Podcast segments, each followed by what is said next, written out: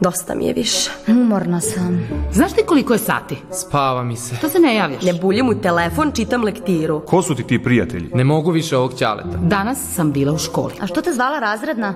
Kažnjena si. E, a ko je ona sad pa da mi zabrani da izlazim? Ma ništa mi nije zanimljivo. Nosit ćeš ti meni A džakove. ne mogu više ovo da izdržim. Da nije ta suknja prekratka? Meni se tako sviđa. Na šta ličiš? Pa mi fali. Znači, kako smar. Sredi taj haos u sobi više. O ne, opet počinju.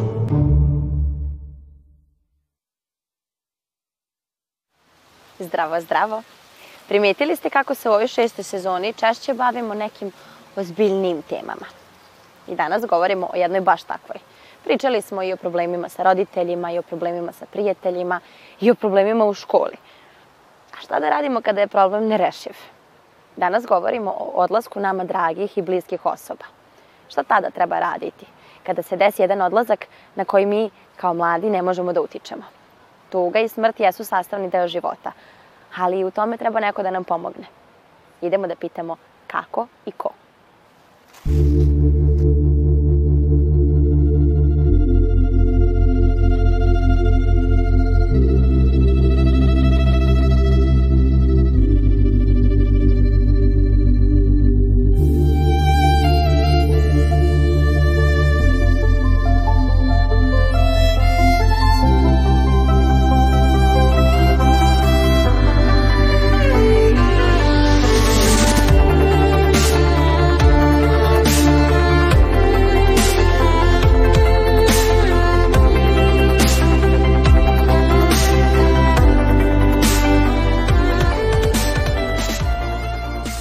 Odlazak drage osobe spada u kategoriju gubitka, a gubitak bih voljela da naši gledaoci shvate malo šire.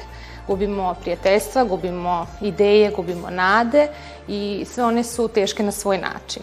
Postoji jedna kineska poslovica koja kaže da a, ne možemo da sprečimo da tuga sleti na naše rame, ali da možemo da sprečimo da se ugnezdi u našoj kosi. I mislim da bi to bila lepa poruka za mlade gledaoce da shvate da su i tekako moćni kada je tuga i gubitak u pitanju, da budu jači od njih, da iz nje nešto nauče. Čini mi se da tuga ima neki negativan predznak, a da je u stvari dobrodošla emocija kao i sreća, kao i strah, kao i iznenađenje, kao bilo koja druga emocija i da iz nje možemo da naučimo šta je ono što je nama važno i kako da kvalitetnije provodimo vreme, koliko ga imamo sa ljudima koji su nam dati. Kako misliš da deca i mladi ljudi treba da se nose sa odlaskom dragih ljudi? Pa treba to još više da nas motivišu, zato što oni nas i dalje gledaju i gledaju naš uspeh, eh, kako smo postigli, šta smo sve postigli u životu. Da li je u redu proći kroz sve faze tugovanja i šta misliš koje su te faze? Oh, prva faza je najveće očajavanje, zato što su oni nas napustili. Druga faza je najbliži, koji su i dalje ovaj, živi, oni nas i dalje teše i dalje nas motivišu. E, tako što oni su i dalje s nama i oni nas i dalje gledaju i tako dalje. Koje su to te faze tugovanja kroz koje moramo da prođemo kako bismo mogli da se adaptiramo na tu novu realnost?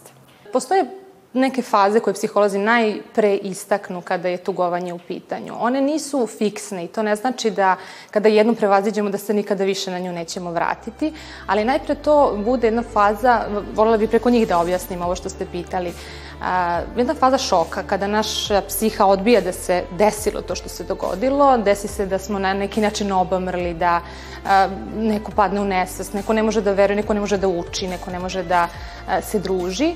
A, posle toga sledi faza besa, odnosno a, ljutnje na osobu koja se upokojila, preselila ili kako ko sebi to objasni. Onda sledi faza dezintegracije, odnosno traženje svog identiteta u promenjenim uslovima. Kako sam ja sad to recimo unuče uh, jedne bake, a nemam više deku i tako dalje. To je jedna nova faza učenja i zato zahteva vreme. I na kraju ono što je uvek dobrodošlo i pozitivno u celoj priči je faza ponovne organizacije identiteta kada ja naučim, integrišem, odnosno ugradim taj novi identitet u sebe i naučim da živim sa tim tugom ili bolom i prihvatim ga i na neki način uzrastem. To je ono što je u celoj priči o gubicima dobro. Da li se tebi nekada desilo da izgubiš neku dragu osobu i kako si se tada osjećao? Jeste, nažalost jeste i mnogo sam se tužno osjećao zato što su mi oni bili jako bli, bliski i mogu sam s njim iskreno da pričam. kako si na kraju prešao preko toga i da li se prelazi preko takvih stvari? Pa mora se preći preko takvih stvari zato što ćemo zastati u životu tako. I kako da se pomirimo sa tim da ta osoba nikada više neće biti pored nas i da nećemo više nikad moći da joj priđemo? Pa treba to da nam bude motivacija i da oni nas i dalje gledaju i dalje nas ovaj, slušaju. U duhovnom smislu, naravno. Adaptiramo se na različite načine, najčešće oslanjajući se na druge ljude ili odlaskom na groblje ukoliko nekoga to umiruje, a za ljude, odnosno naše gledalce koji su verujući, može pomoći ta činjenica da taj rastanak možda nije konačan.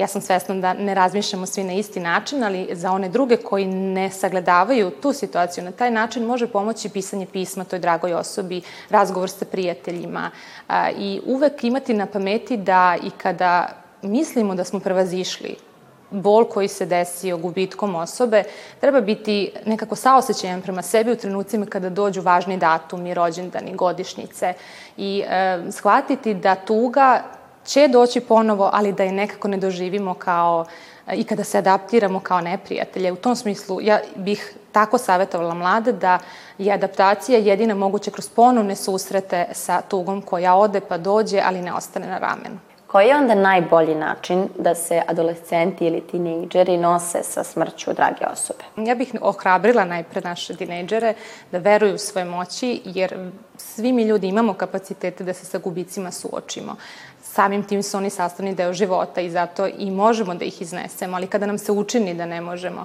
i kada isprobamo uh, da razgovaramo sa roditeljima koji možda budu preplavljenim emocijama pa ne mogu da nam pomognu u onoj meri koju želimo, tu su prijatelji, tu su uh, u krajnjoj liniji psiholozi, psihoterapeuti i psihijatri. Njih naravno navodim u krajnjoj liniji zato što mi se čini da im češće pribegavamo nego što treba, a izbegavamo svoje bližnje i svoje prijatelje, iako i oni mogu da jednom srdačnošću pristup, dobrim pristupom i otvorenošću pomognu i tekako, jer nije toliko važno koliko i šta kažemo osobi koja tuguje, već da budemo tu, da ju ponudimo razgovor, zagrljaj, dodiru koliko želi i da uh, svoje srce damo osobi koja tuguje. Ukoliko uh, tugovanje traje recimo više od šest meseci i znatno ometa život na polju rada, na polju učenja, na polju ishrane, u tom slučaju treba potražiti stručnu pomoć, psihoterapeuta, psihologa i psihijatra, ali i tad ne misliti da je u pitanju neka psihička bolest, nego samo otežan proces tugovanja.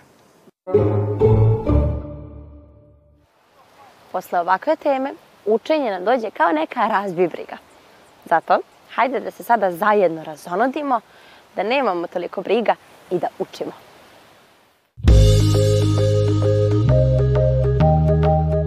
Šta od navedenog predstavlja merni instrument u električnom kolu? Dinamometar, elektrometar, hronometar, voltmetar. Tačan odgovor, voltmetar. Prvi ponuđen odgovor nam je dinamometar. Dinamometar predstavlja uređaj koji meri intenzitet sile. Dakle, ono nema nikakvu ulogu u električnom kolu. Drugi ponuđen odgovor je elektrometar. Ovaj uređaj nam služi da odredimo količinu naelektrisanja nekog tela. Takođe, on nema nikakvu ulogu u električnom kolu. Treći uređaj je hronometar. To je uređaj koji možemo da merimo vreme. Poslednji uređaj je voltmetar, ona pokazuje koliko volti imamo u određenom električnom kolu, stoga on služi za merenje napona u električnom kolu i od velikog je značaja za svako električno kolo.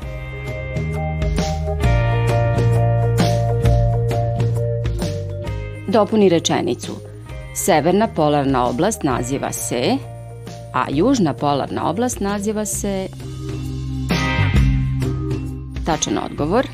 Severna polarna oblast naziva se Arktik, a južna polarna oblast naziva se Antarktik. Arktik obuhvata severni deo, odnosno najseverniji deo severne polulopte. To je deo koji obuhvata a, i delove Evrope, Azije i Severne Amerike.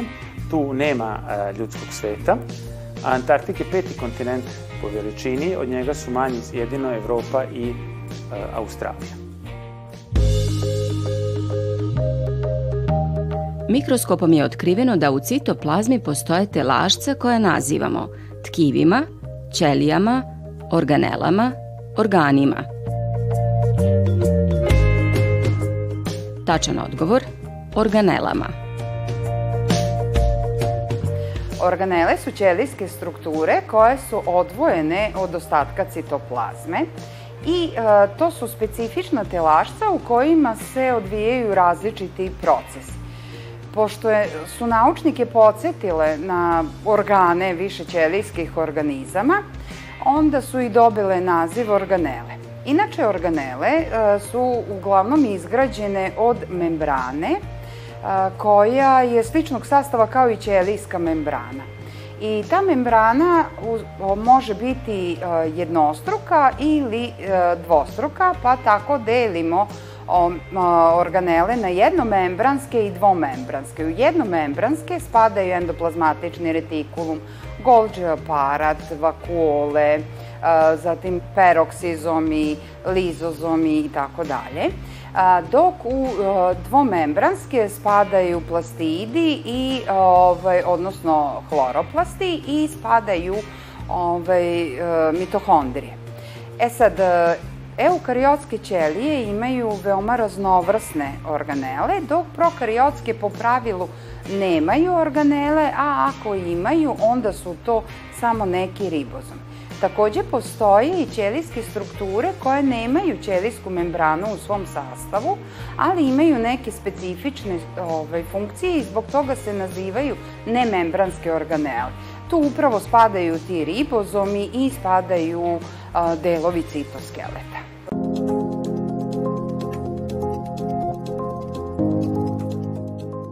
Poznata svetska manifestacija Bienale arhitekture održava se svake druge godine u Berlinu, Veneciji, Njujorku.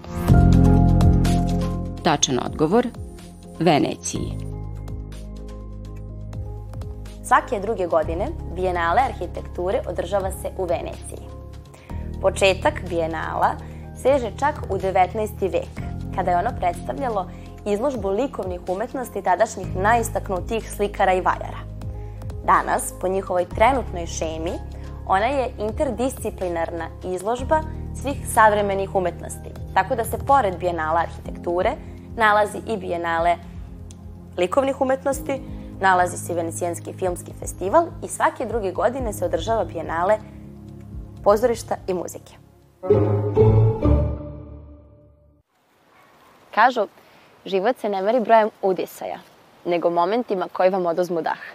Zato, uživajte u svakom danu, radujte se malim stvarima i dozvolite da vam nešto oduzme dah.